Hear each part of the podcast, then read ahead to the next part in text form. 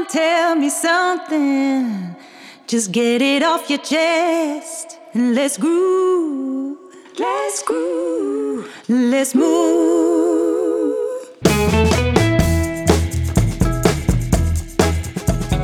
We zijn weer met de Tandersclub begonnen op Clubhouse. Nico Bezuur, eigenaar van congrescentrum De Hamermolen... en Ron Steenkis, Tanders Business Mentor.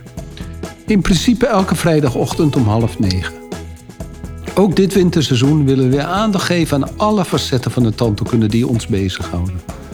En ieder is welkom om zich aan te sluiten op deze ochtenden. Heb je nog geen lidmaatschap van Clubhuis? Stuur een bericht naar mij. Ron Steenkist op LinkedIn. Dan maak ik dit voor je in orde.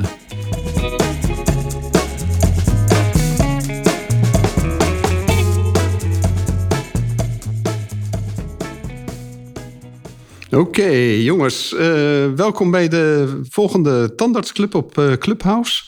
Het, eh, het is een bijzondere plek waar ik nu zit. Ik zit in de fotostudio van Rolf van M2 in, in. Het is elke keer als ik hier ben, is het zo ongelooflijk indruk om te zien hoe deze praktijk tot in de puntjes geregeld is.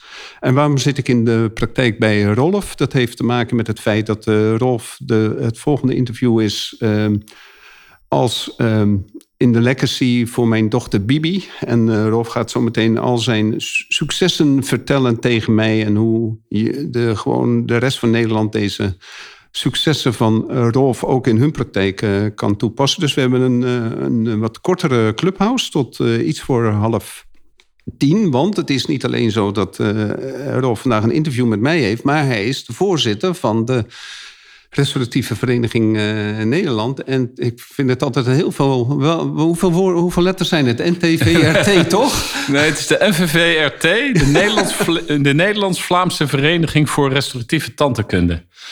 En eh, ja, de tand- wetenschappelijke tandheelkundige verenigingen... die blinken uit in rare afkortingen met heel veel letters. Ik denk dat de algemeen practicus vaak door de boom het bos niet meer ziet... wie waarvoor hoort. Maar vandaag bestaat de NVVRT 20 jaar... en we hebben eh, vanmiddag ons eh lustrum eh, feest. Oké, fantastisch. Mooi. hè? Dus dat. eh, Nico, de, ik heb vanochtend nog even de podcast van vorige week geluisterd. Die was wel spannend, hè? Ik kreeg echt op mijn kop van je, hè? Ja, man. Ja, man, ik Ja. heb het echt helemaal verprutst, hè? Ik was. eh, Nee. Nee. Nico, maar was je ja, boos of nou- speelde je dat je boos was? Ik speelde dat ik boos was, natuurlijk. En eh, Rolf, jij krijgt vandaag op je flikker. Ja, zo moet het gaan. Ik zit daar klaar voor, man.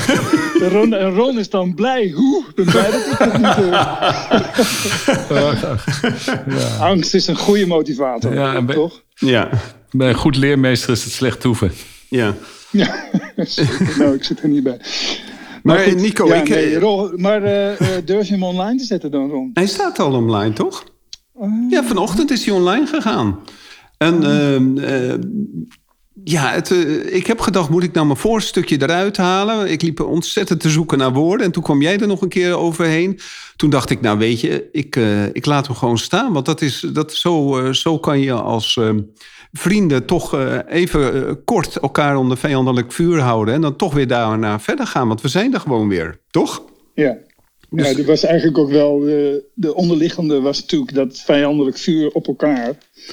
Dat dat even echt gebeurde, is dat toch ook mooi. Ja, dat is eh, leuk. Ik heb er heel veel lol om Ja. gehad. En ook als ik hem weer afluister, dacht ik... Als het bij eh, VI zou gebeuren, dan, eh, dan zou, eh, zouden alle kranten eh, erover schrijven... dat eh, de boys weer ruzie hadden. Ja.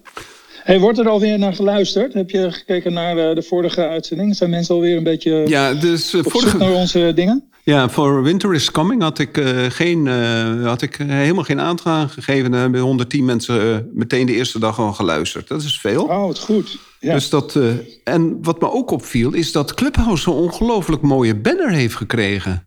Heb je ons. Heb Ja, je, het is best wat mooi. ziet er cool Ja, uit, ja, hè? ja. Ja, het ziet er cool uit. ja, ja. ik kreeg ook bericht. Ja, zegt eh, Willy, zegt Ron heeft een, lijkt wel een studiefoto van jou. eh, oh, oh, oh, wat ziet dat er goed uit? Weet je? Ja. Zou dit te maken hebben met het aantal eh, luisteraars, volgers? eh, word je geupgrade? En dan... Nee, nee, nee. Ze zijn gewoon. eh, ze hebben alle bugs eruit. Dus nu krijgen, krijgen ze tijd. En zijn gewoon ze hebben nog maar een derde van hun luisteraars. Eh, Ja. Dus we kregen tijd om eh, de, meer aan de marketing te doen. En eh, wat ze ook hebben gedaan, dat er. dit is de eerste dag dat de replay kan. Dus ik heb hem ook gezegd dat je. Ik weet nog niet hoe het werkt, maar dit, dit, deze Clubhouse is op Clubhouse als replay te bekijken. Want het was in eerste instantie was het heel erg geheimzinnig. Hè? Dat je, het was eenmalig en werd het weggegooid. Het valt me wel op dat niemand hem op replay heeft gezet. Het kan zijn omdat het onwennig is. Maar vanavond, vannacht heb ik even geluisterd naar de Amerikaanse pot, eh, of eh, clubhouse mensen. En die, eh, die hadden, nie- niemand had hem op replay gezet. Maar misschien is het ook wel handig. Oh, het is zie super inderdaad handig. nu- Want hoe vaak gebeurt het niet? En dan spreek ik gewoon uit ervaring. Dat ik, eh, het lukt me dan niet om eh, op, op vrijdagochtend om half negen aan te haken. En dan later op de dag heb ik wel tijd. En ja, dan moet ik eh, wachten totdat eh Ron het uitbrengt. Om het eh, te, te kunnen luisteren. Terwijl als je dan eh nou, uitzending gemist eh, nog even kan afluisteren. Dat zou super fijn zijn. Ja, Goed is- om te weten. maar het is wel Alright, zo. we moeten volgens mij naar het onderwerp toe. Want eh, ik begrijp dat we er om half tien uit liggen. Ja, maar kijk, het gaat om. vorige week hebben we het over leiderschap gehad. En Ja. eh, vandaag gaat het eigenlijk weer een stapje verder over leiderschap. Waarom ben ik hier nou op gekomen ehm, om dit in te brengen? Is ehm vorig eh, een halfjaartje geleden had ik een interview met, eh, met Jacqueline Strooband. En eh, die vertelde op, eh, dat ze zo ontzettend mooie manier hadden om het middenkader en het kader en de mensen op de werkvloer met elkaar te verbinden. En dat er een bepaalde checks waren om dat te doen. En ehm, ik ben dat de afgelopen, ja, sinds die tijd ben ik dat gaan onderzoeken. Heb ik wat managementboeken over, over eh, gelezen. En eh, het staat me nu wel voor ogen wat de, de diepere gedachten zijn van M2. Dus daarom heb ik dit, eh, dit nog een keer naar voren gebracht. En daarnaast ehm, is het ook eh, zo dat ik als... Ik ben ook nu een start-up. Ik ben een, eh, ik ben een start-up begonnen met het eh, klein bedrijfje... de Tandarts Business Mentor. En wat ik nu als start-up heb... ik- zijn dezelfde problemen die ik in het begin had als standaards als je begint. En dat is toch wel grappig dat je dus de, heel snel weer in dezelfde valkuilen valt. En daar wil ik het graag over hebben, Nico. Ehm, Waarom succesvolle praktijken teamgeoriënteerd zijn? Wat verlies je nou als eerste als je moe wordt in een tandartspraktijk? Is dat het mentale of het fysiologische? Hè? Of je de fysiologische energie verliest? Nou, dat is natuurlijk het mentale energie die je verliest. Dat is natuurlijk ook het probleem van de burn-out. Hè? Dat je de mentale energie niet meer hebt. Vaak kunnen mensen nog wel hè, fysiek verder, maar mentaal zijn ze gewoon a- opgebrand. En ik denk dat waar we het nu vandaag over gaan hebben, dat dat wel een van de, de grote valkuilen is voor een burn-out. Want stel je nou eens voor dat je beginnend tandarts bent. Je wilt toch het norminkomen verdienen. Dat is ongeveer 130.000 euro. Je werkt 200 dagen eh à 8 uur per jaar. Dat is 1600, eh, 1600 uur. Dan moet je ongeveer 84 euro per uur verdienen... om aan die 130.000 euro te komen. Stel dat dat ongeveer 40% van je omzet is... Dat, dan moet je dus 210 euro per uur omzetten. Dat betekent dus dat alles wat je doet voor minder dan 210 euro, dat het eigenlijk niet goed gaat. Dus als je iets, als je iets gaat doen, en zeker eh, enveloppen vouwen en dat soort dingen, wat, eh, wat echt voor, voor 10, 11 euro gedaan kan worden. Als je dat soort dingen gaat doen, dan ga je dus ongelooflijk inlopen op, de, op je verdienmanier. En en dat is dus ook het, eh, wat ik nu merk aan, die, eh, aan, aan het opstarten van zo'n klein bedrijfje. Dat ik weer al die kleine dingen zelf aan het doen ben. Al die dingen voor LinkedIn klaarzetten. De, de, de, hier naar M2 toe om daar te rijden. Maar ook weer zelf de spullen op te zetten. Het kost gewoon allemaal vrij veel tijd. En eh, toch ook heel veel energie. En eigenlijk moet je zo snel mogelijk alle kleine dingen uit handen geven. En ehm, ik merk het ook bijvoorbeeld op de, de, op de camping. Op de camping zit ik met heel veel mensen. eh, die, die zijn allemaal klussers. Maar ik hou niet zo van dat klussen. Dus ik, ik laat graag iemand anders het doen. En eh, mijn vrouw vindt het eigenlijk wel prima. Want die andere mannen die zitten de hele dag in de herrie en eh, in, de, in het zaagsel. En wij laten het doen als we er niet zijn. Maar eh, het, het is natuurlijk dat mensen beslissen om op hun vakantie dat te doen, omdat het op een of andere manier goedkoper is. Maar je hebt die vakantie ook nodig om natuurlijk hè, tot jezelf te komen. Dus het is wel. Een, eh, maar dat zijn dus je hele leven heb je allemaal van die beslissingen. Ga doe je zelf de tuin. Dat is prima als je ervan houdt. Maar als je er minder van houdt, kan je het beter uit de handen geven.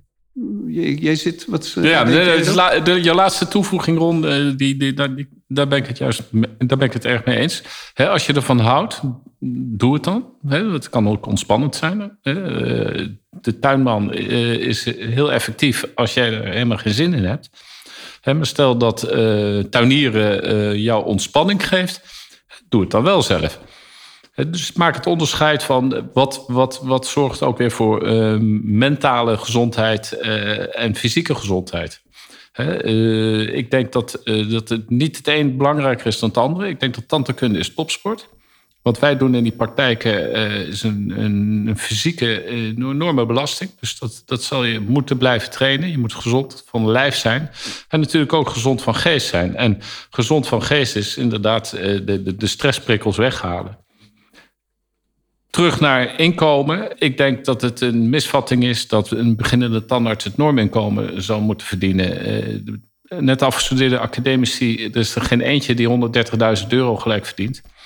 Uh, je hebt misschien uh, een paar verrichtingen al geleerd op de universiteit. En dat hadden wij ook lang geleden. En uiteindelijk ga je het leren in de praktijk. En je zal vlieguren moeten maken. En daar moet je de tijd voor nemen. En dat je dan nog niet een super inkomen hebt, nou, dat, dat moet je voor lief nemen. Het is gewoon leergeld. Pas later ga je meer verdienen. Zo hoort het ook. Uh, en je hoeft niet gelijk de eerste jaar na je afstuderen 130.000 euro te verdienen. Concentreer je op tandheelkunde. En uh, ja, enveloppen dichtlikken, dat, dat zal je aan anderen moeten overlaten. Ja. En, maar verandert het verhaal als je zou zeggen 65.000 euro? Want dan zit je nog steeds op 40 euro per uur. Dus dan, ja. dan blijft enveloppen likken nog steeds een probleem. Ja, maar ik zou het los willen maken van, van uh, geld verdienen. Ik zou uh, het willen zien als focus op de, doel. de zaken die je echt moet leren. Je moet vlieguren maken met basisvaardigheden. He, dus een, een, een, een, een startende tandarts die heeft enkele indirecte restauraties gemaakt, een halve prothese gemaakt. Die heeft een paar dingen gezien. Dus op de universiteit hebben ze je een paar dingen laten zien. Maar eigenlijk eh, ben je absoluut nog niet onbewust bekwaam. En je zal vliegenuren moeten maken. Dus steek je tijd in de basis tandheelkunde. En als je dat beheerst, dan, en, en, en verlies dus geen tijd met uh, achter, uh, achter een, een tandtechnisch laboratorium aan gaan lopen wanneer techniekwerk naar, uh, of in huis is. Ja. Dat kan je delegeren aan medewerkers binnen je praktijk. En dan kan jij je focussen op goede tandkunde. En Nico, ja. kan jij inbreken? ja, want, je, want wij gaan zo meteen aan, aan de gang. Want, nee, bezig. Nee, nee, nee. Uh, ja, nou, ik omschrijf het wel. Ik, vind het grappig dat de. Geld is een bijproduct, daar moet je ook niet te lang bij stilstaan. Als ik jonge mensen in de praktijk krijg, dan komen ze binnen. Um, dus een tandarts die solliciteert. Eigenlijk uh, hebben we het al heel snel over wat ze kunnen gaan leren bij ons. En feitelijk zie ik dan dat hun looneis uh, stijl begint te zakken. Dat, vind ik een interessant gegeven omdat uh, eigenlijk zijn. Uh, het, is gewoon om, het gaat om een soort van volwaardigheid. Dat je realiseert waar, waar het in het stadium waarin je zit. Waar je op dat moment op georiënteerd zou moeten zijn. En als je in een bedrijf komt waar je ja, wordt geleid wordt, wordt op een hele bijzondere manier. Met een prachtige dromen en idealen.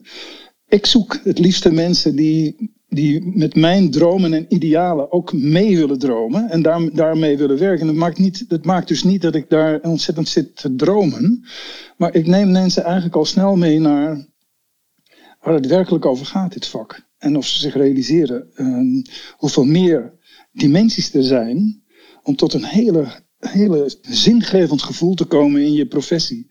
Dus geld is altijd een bijproduct geweest in mijn hele carrière ik heb daar ook nooit uh, focus op gezet. En als het er wel op komt, dat vind ik, dat vind ik ook wel interessant. Op het moment dat je wel uh, veel te veel over geld moet praten met elkaar, ben je feitelijk te laat en heb je mogelijkerwijze te weinig op andere manieren uh, loyaliteit en waardering geoogst.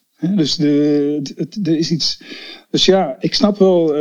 en ik, dus ik onderschrijf Rolf's visie en ik onderschrijf jouw visie ook als je zegt, ja, ik ben net begonnen, ik zit alles zelf te doen. Dat is ook het kenmerk van succes, is dat je eerst helemaal op jezelf alles uitzoekt. En Walt Disney, die, staat er, die stond erom bekend. Elk facet van zijn bedrijfsvoering, daar kon hij hands-on inspringen tot in de hoogste perfectie omdat hij ook ooit zo in zijn eigen achterkamertje was begonnen. Hij kon altijd zijn handen opstropen. Hij zei altijd, iedereen, iedereen bij wie hij... Dus je noemt het de, de man die de, de enveloppen dichtzet. Maar hij kon laten zien dat er meer achter zit. Hoe je een envelop, hoe je het papier... Om eens even aan te geven, we zitten in, de, in een soort van uh, analogie van een envelop of wat dan ook. Maar dat hij kon laten voelen dat hij zelf door elk element heen was gegaan en had, gezocht naar het hoger doel van eh, elk onderdeel en elk detail. En dat is natuurlijk wat je in een bedrijf zoals het onze, is dat je, je hebt helemaal bovenaan heb je dan uh, je, je, je, dromen en je idealen en de, de why van je organisatie tot op een niveau waar je nooit hebt over nagedacht. En helemaal onderaan is degene die uiteindelijk dan met jou zorgt dat er een herinnering uitgaat of een, of een oproep of wat dan ook. Dat die tot in de detail vanuit het hogere gedachtegoed zijn kleine handeling doet. En dat je je realiseert dat elke kleine handeling jouw totale uh, succes van je, van je organisatie kan doen laten falen. Als hij dat niet ook heel mooi verzorgd doet in alle elementen en inhoud. Dus ja, ik vind, uh, ik heb zelf heel vaak in mijn leven, zo ken ik Rolf ook en jou natuurlijk ook, dat wij eigenlijk ik vind het heerlijk om zo helemaal op mijn eigen kamertje alles te zitten doen. En dat ik ook deels denk, ach jongen, wat een tijdverlies. Maar ja, dat, ik ben ook wel blij. Soms ben ik heel blij dat ik even wat concreets kan doen. Omdat de hele tijd in mijn hoogste uh, creatieve niveau te zitten, is ook vermoeiend. Je moet af en toe even, weet je, het is een, het is een soort van uh, even in- en out systeem. Het is ook wel lekker om af en toe gedachteloos. Ik, ik heb hier op een dag, als ik helemaal een, een, voor mijn gevoel niks bereik, ga ik gewoon gras maaien, zou ik kunnen zeggen. Daar heb je een tuinman voor. Nou, dat is niet helemaal waar natuurlijk. Dat, dat is hetgeen nee. wat Rolf ook zei. Van als je op dat moment de behoefte aan hebt, moet je het gewoon doen. Ja. Het is natuurlijk wel ja, zo, dus... dat je die transitie... Hè, je kan natuurlijk wel zeggen dat iemand uh, de waai van een organisatie moet snappen... als hij de, de, de envelop dichtplakt. Het, Mhm. maar dat hebben we vorige keer ook over gehad. Je hebt het, uh, vaak is het werknemerschap een transitie van geld. Ik geef iemand uh, geld en die gaat voor mij een aantal klussen doen. En niet iedereen heeft de behoefte aan om die why van die organisatie te snappen. Als je dat, uh, die why bij iedereen maar probeert in uh, uit te leggen en wat uh, te doen, dan, dan, dan ontstaat er ook een bepaalde vermoeidheid. Je moet wel op af en toe je punten pakken van, ja, soms is werknemerschap gewoon enveloppen dicht doen. Het moet gewoon gebeuren. En ja, dan hoef je niet altijd een hoger doel achter, achter te stellen, vind ik. Maar het is wel fijn als het gedaan wordt. Het kan ook zijn, het moet gewoon gedaan worden. Anders uh, loopt die praktijk niet. Waar het dus het belang ook is, we hadden het net over dat het voornamelijk ging over mensen die bij ons in de praktijk waren. Maar ik bedoel meer van wat gebeurt er dan met die jonge collega als die, die praktijk begint?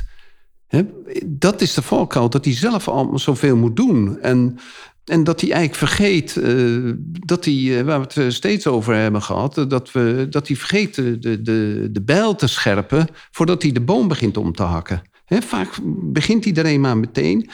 En het is zo belangrijk om ook te beseffen, als je iemand, als je bijvoorbeeld een praktijkmanager hebt, dat je wel op een gegeven moment die verantwoordelijkheid kan delegeren. Maar je moet ook de autoriteit delegeren. En als je de autoriteit niet delegeert, dat iemand gewoon zonder bij jou langs te gaan de beslissingen mag nemen, dan maak je een belangrijke stap. En het is, dat, dat blijft een van de valkuilen uit mijn, mijn verleden. En ik merk het nu nog steeds. Dat als ik zelf iets zou doen en ik zou iets uitvoeren, dan gaat 80% goed. En 20% denk ik bij mezelf, hé, hey, dat moet ik de volgende keer anders doen. Maar als mijn praktijkmanager dat doet en die doet 80% goed, dan ga ik over die 20% praten. Terwijl ik haar eigenlijk niet de kans geef om ervoor te zorgen dat ze het zelf experience wordt en dat ze daardoor een expert wordt op dat gebied. Want waarom zal ik over die 20% beginnen? Want bij, mijn, bij mezelf ben ik die 20% ook aan het verbeteren. En dat is, dat is wel een hele belangrijke valkuil voor iemand die net begint, dat als die delegeert, dat hij die anderen ook de autoriteit geeft. En dat je, dat je niet de hele tijd ervoor zorgt dat je, dat, uh, dat je alleen op die 20% die niet goed gaat aan het, uh, aan het inzoomen bent. Hè? Dat bekende Barnes, de, de Seago Management. Uh, eh, mensen lopen lekker dingen te doen en jij komt er weer aan als, uh, als zeemeeuw. Je scheidt op een kop en je vliegt weer verder. Dat, dat, is, niet, uh, dat is niet de manier zoals je met mensen moet omgaan. Maar daar zit dus een hele grote valkuil. Maar het gaat om het delegeren aan de, de knecht of, of aan de rentmeester. Oké, vertel eens. Je, Eisenhower die heeft ooit onderscheid gemaakt tussen urgente dingen en niet-urgente zaken. belangrijk dat jij het doet of belangrijk dat het jij het niet hoeft te, doen. Dus onbelangrijk dat jij het doet. Ik denk dat een beginnende tandarts, dat het goed is dat hij al het werk wat je moet doen. Op een gegeven moment zie je door de boom het bos niet meer. Dan begin je maar ergens. En dat is vaak dan het eerste wat voor je neus komt, dan ga je dan maar doen. Aan het einde van de dag blijkt dus dat van alles is blijven liggen. En uh, dat je misschien wel hele belangrijke, urgente zaken ook niet gedaan hebt. dus je zal een onderscheid moeten maken in vier groepen. Wat is belangrijk en urgent dat jij het doet. En wat is belangrijk dat jij het doet, maar niet zozeer urgent. Dat ga je plannen. En dan zijn er ook zaken die uh, superbelangrijk zijn, maar niet belangrijk genoeg dat jij ze doet. Dus die kan je delegeren. Maar ze moeten wel nu gebeuren. Dus het zijn wel urgente zaken. En dan heb je ook zaken die totaal niet belangrijk zijn dat jij ze doet en ook totaal niet urgent. Nou, die schrijf je eventjes aan de kant. En waar gaat het dus om? Uh, Eisenhower heeft dat ooit in, eh, in vier kwadranten gegroepeerd. Hè? Dus uh, urgent en belangrijk voor jou direct doen. belangrijk voor jou niet urgent plannen. Maar het derde kwadrant, hè, jij hoeft het niet te doen, maar het moet wel gedaan worden. Dat ga je delegeren. En aan wie ga je dat delegeren? Ga je dat aan de knecht delegeren of aan de rentmeester? De knecht verwacht eigenlijk dat je naast hem staat en dan krijg je het doe dit, doe dat effect. dus eigenlijk sta je ernaast en je staat alleen maar aan te wijzen, doe dit, doe dat. En soms denk je wel, laat ik het maar zelf doen, want die knecht die is helemaal niet zo handig erin.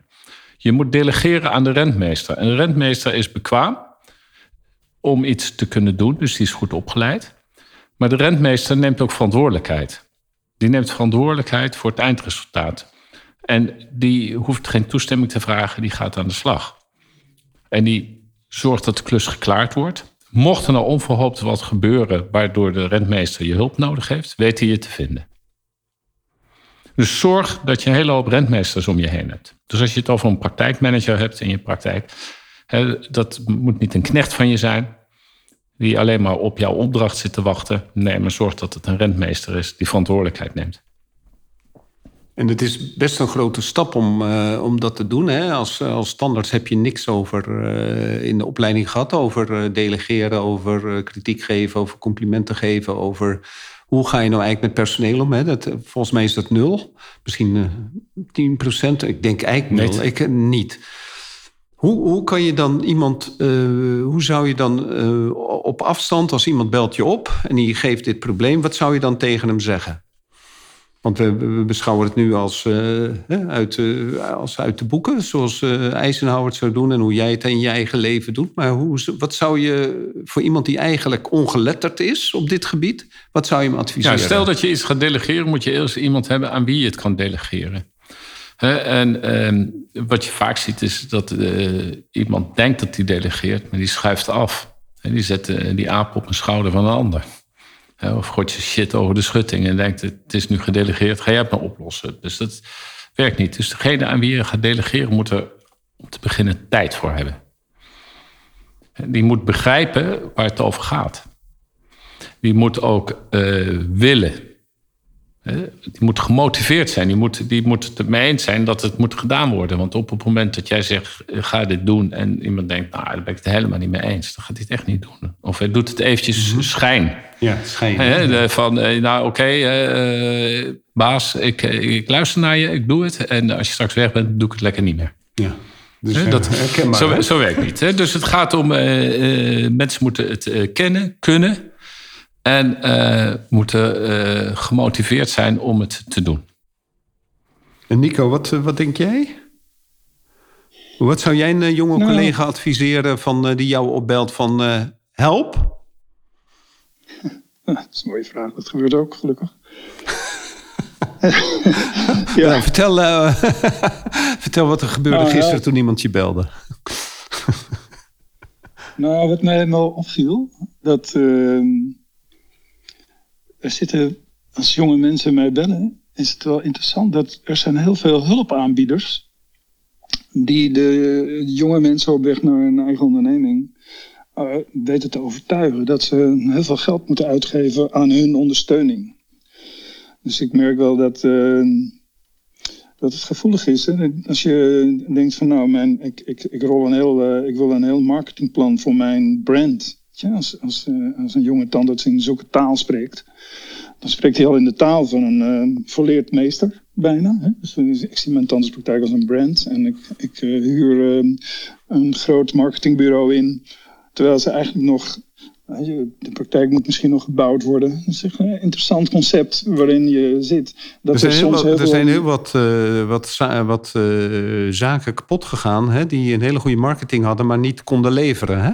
Dus daar doe je ja. een beetje op. Ja, nou, weet je, ze kunnen misschien wel leveren. Maar uh, je, er is ook een valkuil dat je dat je eigenlijk heel veel uh, krachten en troepen inhuurt. Terwijl je, dus als jij tegen mij zegt, als iemand zegt help, dan tegenwoordig merk ik dat ik dus vaak moet zeggen, wie heb je eigenlijk allemaal al ingehuurd? is dat zo? Is dat zo veel? Nee, ik ken, ja. ik ken wat jij zegt, Nico. Dat is absoluut waar. maar dat is dat? ook al echt heel erg uh, lang bestaat. Dat, dat tandartsen toch wel een heel gewild prooi zijn voor slimme jongens die geld willen verdienen ja, een of andere manier. De, en de, soms schaam ik me er een beetje voor. Ik denk van ja, wij tandartsen zijn de eerste die ergens intuinen. He, dat, dat, Als er wat verkocht moet worden, dan komen ze bij ons wel langs. En dan komen ze ons vertellen wat, wat, wat, wij nodig zouden hebben. En dat het een kans is van nu of nooit. En we gaan het doen. Ja. het is een... ja, dus ik, wil, ik, merk, ik merk dus ook, dus daarom is, ik, ik vind eigenlijk dat. Uh, het hogere doel van, je, van een contact, ook als iemand hulp vraagt, is niet van wat kan ik aan je verdienen, maar hoe kan ik jouw um, leven helpen verrijken? En, en wat zie je wel en wat nog niet? En ik ben toch eigenlijk heel vaak bezig om mensen te laten zien wat ze nog niet weten. Dus uh, ja, het is goed. Ik, ik, zie dus, ik moet heel vaak met jonge mensen, jonge mensen, maar ook oudere mensen, een stap op de plaats maken. Om eens te kijken vanuit voor welk systeem van denken en overtuigingen ze, ze werken. Um, en het is dan heel mooi om te denken, ja, maar er is toch nog wel wat meer wat je hebt uit te zoeken. En net is goed als, als, dat ze, als iemand een, een baas of een leider wil, wil zijn, dan hoor ik dan wel. En ik hoor wel dat ze dan bijvoorbeeld zeggen, ja, ik heb eigenlijk alles al eh, voor elkaar. Eh, mijn praktijk is getekend, mijn eh, marketing is uitbesteed. En nu moet ik nog met mijn personeel dat ik nog niet heb. En nu wil ik nog wel wat kneepjes horen. Denk ik, ja, het is, het is soms iets te mechanistisch. Dus ik, ik zou dan toch graag zien dat we. Daarom hebben wij natuurlijk. Nou, Rolf en ik hebben natuurlijk op een gegeven moment gezegd. Ja, jongens, jullie weten gewoon te weinig. Laten we eens door het hele facet heen gaan. En toen begonnen we toch ook wel heel vaak bij wacht even, voordat je een plan maakt, wie ben je zelf? Je, wat wil je, wat zijn je idealen, wat, hoe zitten je eh, overtuigingen in elkaar? En laten we eens naar je kijken, hoe presenteer je, hoe praat je, wat is je manier van focus, fysiologie en taal? Wat zit eronder? Weet je, er zit nog zoveel wat we af moeten leren voordat we wat kunnen. Dat is, en dat is het stadium wat je soms denkt over te stappen. Als je Dr. Google, de coach van, uh, voor iedereen is toch vaak Google. Mhm. Is dat je, over, dat je de, de adviezen pakt, maar dat je overslaat het traject van zelfinzicht. En een goede spiegel. En gewoon live. Hè, want dat, is ook, dat heb ik de laatste jaren ook gezien. Er wordt veel gecoacht. Bijvoorbeeld via Zoom. Maar als ik hier coaches uh, live spreek, ook bij mij op de Academy. Dan, dan zie ik dus dat de, dat de mensen uh, zeggen, ook de coaches die zeggen, ja, het is, het is, er kan veel via Zoom. Maar echt die interactie aangaan en iemand voelen en lezen en dan ook een vraag stellen die knellend is en pijn doet, waardoor iemand een, een levensverandering ondergaat er is altijd een escape als je dat via bijvoorbeeld uh, internet en Zoom doet. Er is altijd een escape als het alleen maar via adviesjes zo helemaal erbuiten komt. Het gaat op een gegeven moment om die kern. En ik denk dat ik daar, en dat is, dat is ook misschien, daar bij mij blijven bijvoorbeeld resoneren. Bijvoorbeeld Ron, als jij zegt elke handeling is een transitie met geld. Dan denk ik, oh jongens, ik wil ook dat geld is weg uit die hele denkwereld. Dat is ook een stuk waar ik, en dan wil ik niet jou persoonlijk op aanspreken Ron. Maar mij irriteert het al heel lang dat het lijkt alsof altijd maar bovenin het economische denken staat. Terwijl langzaam zeker, hè, homo economics, is tijd dat hij uh, gewoon is heel diep het putje in gaat. En dat hij begrijpt dat dat ook zoveel dingen stuk maakt. Het is dus veel leuker om vanuit idealen hè, ja, dat is waar, Nico. Maar ook heel concreet stappenplan. Hè, dus ook niet alleen maar zweven en inspireren. Maar ook, het gaat om een soort van tot totaalbeeld. En daarom hebben we, Rolf en ik hebben ook heel vaak op een gegeven moment gezegd... nou, je kunt je dromen in ideaal neerzetten... maar je kunt ook tegen je personeel zeggen, tegen je team... ach, maken jullie zelf eens even een mooie lijst van do's en don'ts. Wat moet je hier doen en wat mag je hier niet doen? En moet je eens kijken. Dat is zo interessant, want dan nemen ze dus een soort van eigen leiderschap op zich... en dan zijn ze opeens keihard. Ja, ze zijn strenger dan jij ook had willen zijn.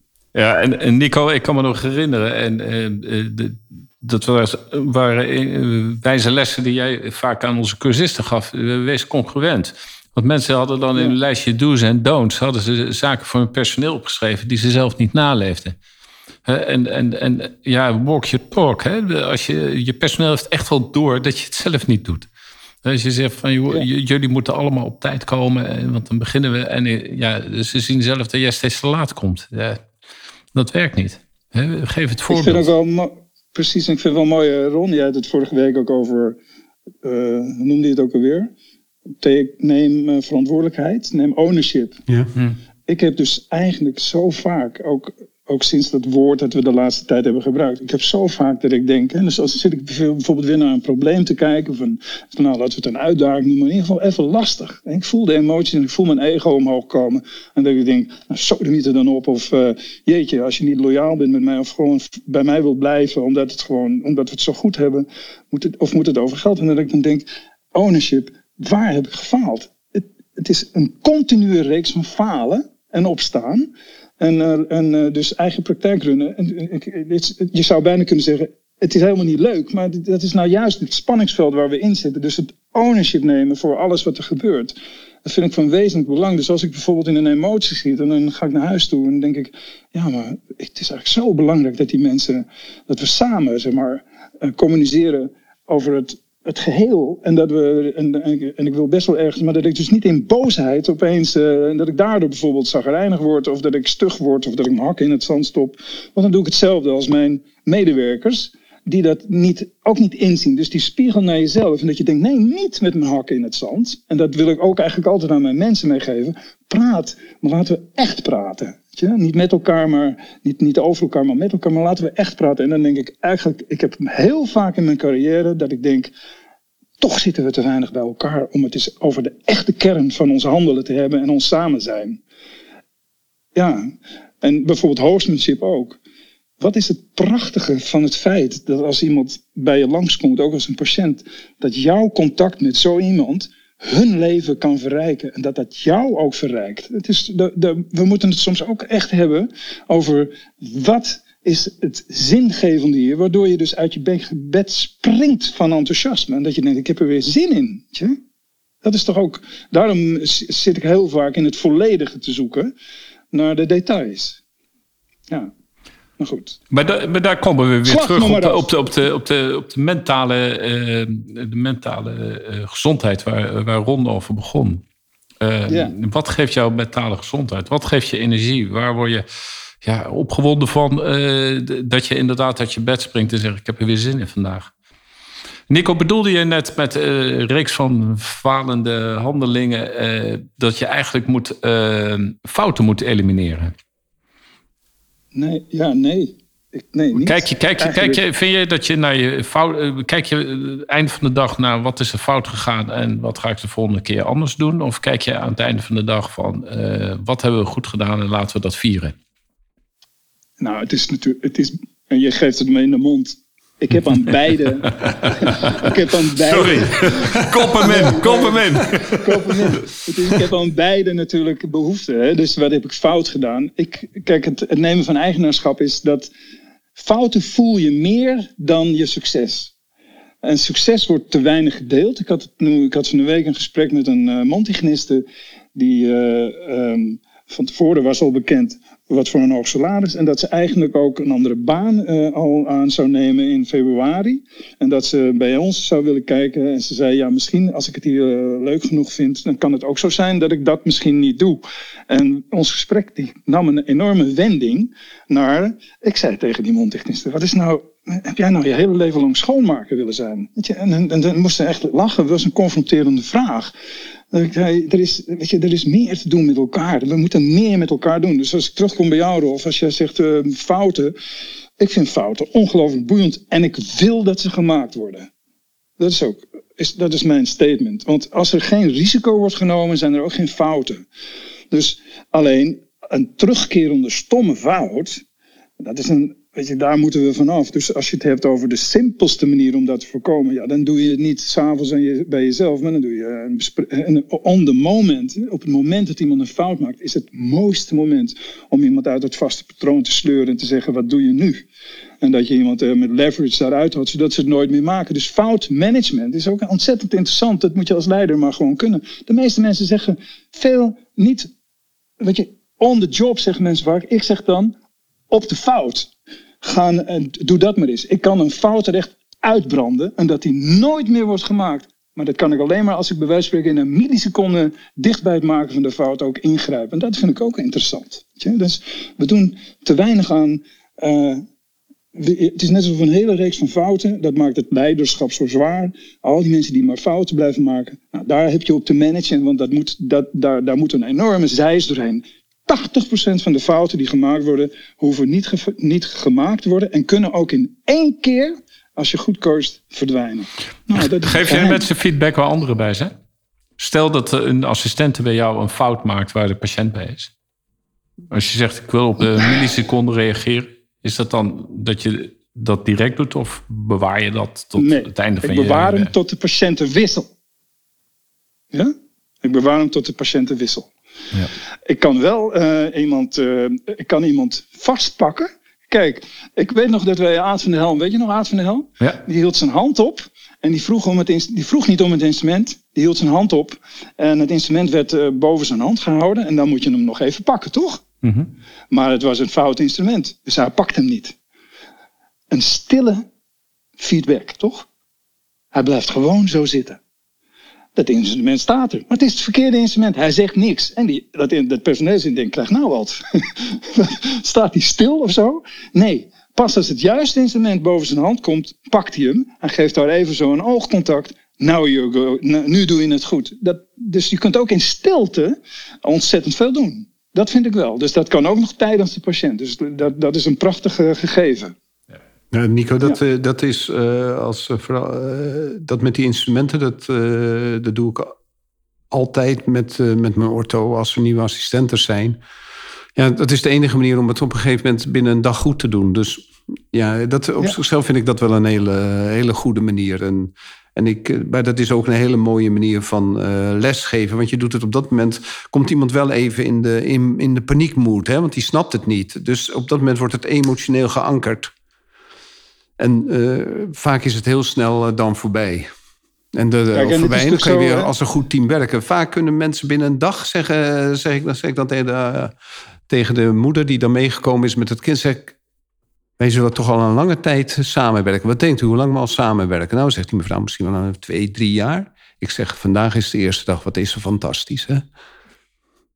Ja, dat is een mooi compliment. Ja. Ik, ik geloof ook wel in de kracht van de herhaling.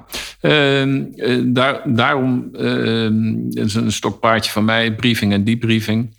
Uh, einde van je shift met, met je assistenten bespreken hoe het gegaan is. En ehm, juist dit soort stille hints, die herhalen ze dan zelf. En dan zeggen ze van ja, ik, bij die patiënt gaf ik je het verkeerde instrument. Ik weet wat je bedoelt. Uh, nou, het feit dat ze dat voor zichzelf nog een keer herhalen uh, en jou laten, laten weten dat ze het doorhebben, dat is volgens mij heel erg krachtig. Dan zit het in het lange termijn geheugen vast. En we weten natuurlijk ook dat, jij, dat zei je, dacht, dacht ik ook, Rolf, we kunnen het over fouten hebben, maar er worden ook wel veel te weinig complimenten gegeven. En die geef ik heel graag. Weet je, dat, is ook, dat is ook mooi. Dus er moet een balans zijn. Op het moment dat je coacht, dat wil ik de luisteraar dan wel meegeven. Als je het dan toch tussen de patiënt toe doet, zorg dan even dat iemand in zijn schoenen staat. Dat hij het kan ontvangen. Ik bedoel, vraag heel even, kan ik je nu wat feedback geven? Heb je, kun je, heb je even tijd voor uh, dat ik even iets zeg over wat beter, wat beter kan? En dat iemand even zich even openstelt en dat je dan daarin kunt gaan. Dat is toch altijd nog wel de norm voor hoe je daarin gaat. In plaats van keihard of uh, nou deed je het weer fout of zo. Weet je wel. Het gaat erom Ze moeten blijven voelen dat we met een groeiend traject bezig zijn. Dus je kunt het er bij wijze van spreken voorzeggen. Daarom vind ik hogere doelen. Om te blijven groeien is het wel nodig dat ik je met regelmaat tussendoor even wat aangeef wat er beter kan. Zodat we dat straks helemaal gaaf kunnen. En dat wij in plaats van het aangeven van een instrument, dat wordt dancing hands zijn. Dancing hands. Yes. dat is toch mooi? Ik vind het ook wel mooi als we het een beetje, je maakt een beetje fluent, een beetje dansend. Dat is toch een mooie, ik vond het mooi, er is een man, een, een, een Deen of een Zweed, die, geeft, die heeft een boek geschreven, Dancing Hands, voor de tandheelkunde. Dat is toch een prachtige titel. Zo wil ik het graag zien. Ja, ik, ik zie ook graag, uh, vergelijkbaar even met sport, als er een doelpunt gemaakt wordt bij voetbal, hockey, noem maar de, bij teamsports, hoe, hoe, hoe, blij een team kan worden. En ook uh, degene die de voorzet heeft gegeven, maar in de opbouw zat. En samen vieren ze dan nou, dan wil ik helemaal niet voorstellen dat, uh, dat, dat je in de behandelkamer naar de hoek, uh, hoekvlag rent en daar samen een dansje gaat aan maken. of op je buik door de, door de gang gaat. Wij zitten wel steeds stiekem te high five. Maar, hè? Dus, maar uh, precies. Maar ja, je, je mag best wel high fiven of aan het einde van de dag zeggen van yes, we hebben echt, we hebben, wat hebben wij samen echt een, een ongelooflijk knappe klus geklaard. Hoe fijn is dat? He, gewoon lachende gezichten krijgen. Even blijdschap van uh, we hebben iets te vieren. Ja. Um, uh, Rolf, ik wil nog iets aan jou vragen, Rolf. Ja. Ik heb, ik heb steeds het droom en het ideaal. Dat ik denk, wat is nou eigenlijk. En dus die hebben mensen die komen in het begin bij je. En hebben ze coaching nodig, opleiding en training. En dan hebben ze een heel traject waarin ze verzelfstandigen, verantwoordelijkheid nemen. Ze doen het goed. Je hebt nog een beetje zo langs de lijn.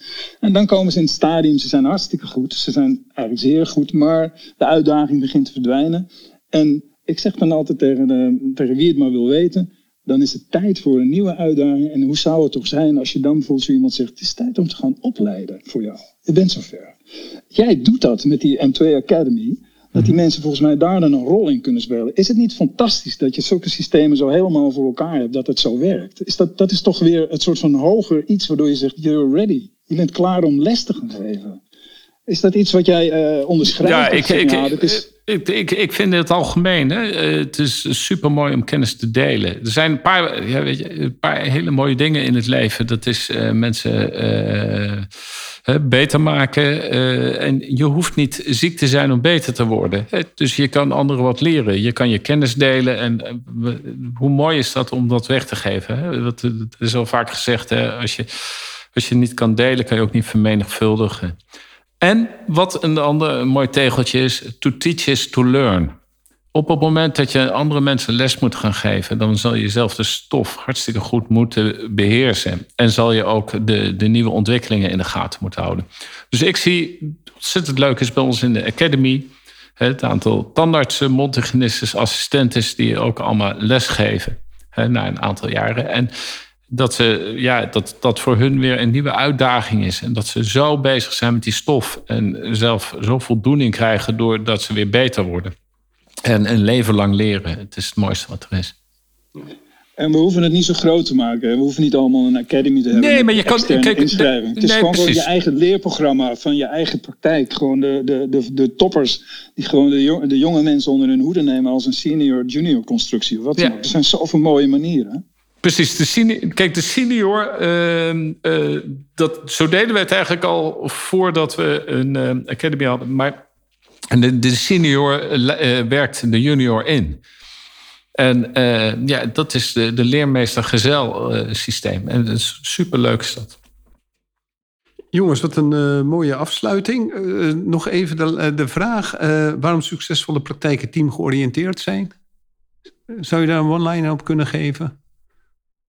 Team, together each achieves more. Helemaal mee eens. En Nico? Waarom succesvolle praktijken teamgeoriënteerd zijn? Ja, nou, ik zou denken, de klant is koning, maar je medewerkers komen eerst. Heel goed. Interne marketing, daar gaat het om. Hè? Um, dank jullie wel. Uh, Lineke bedankt, Willy, Erik, Maartje, Shaira en Anne. Hartstikke goed. Lise was er ook nog en Alexandra ook. Dus uh, hartstikke goed. Was uh, heel erg leuk. En uh, dank jullie wel. Uh, Rolf bedankt, Nico bedankt. En uh, tot ja. de volgende keer. Alsjeblieft. Dat is leuk, mannen. Ja. Hoi. Leuk je even te, zo te spreken. Hoi. Then place your bet real soon. Super dat je weer luistert naar een aflevering van de Tandartsvrijheid en Meesterschap podcast. Ik zou het zeer op prijs stellen als je een review achter zou laten. Je kunt je ook abonneren op deze podcast. Klik dan in de podcast-app op de button subscribe en je ontvangt automatisch een berichtje bij een nieuwe aflevering. Ken je iemand die deze podcast ook leuk zou vinden? Deel deze dan. Via Spotify kan je dat heel simpel door op de drie puntjes te klikken en te delen. Je kan mij ook bereiken via mijn LinkedIn-account. Ik ben te vinden onder mijn naam Ron Steenkis. Nogmaals, dankjewel en tot de volgende keer.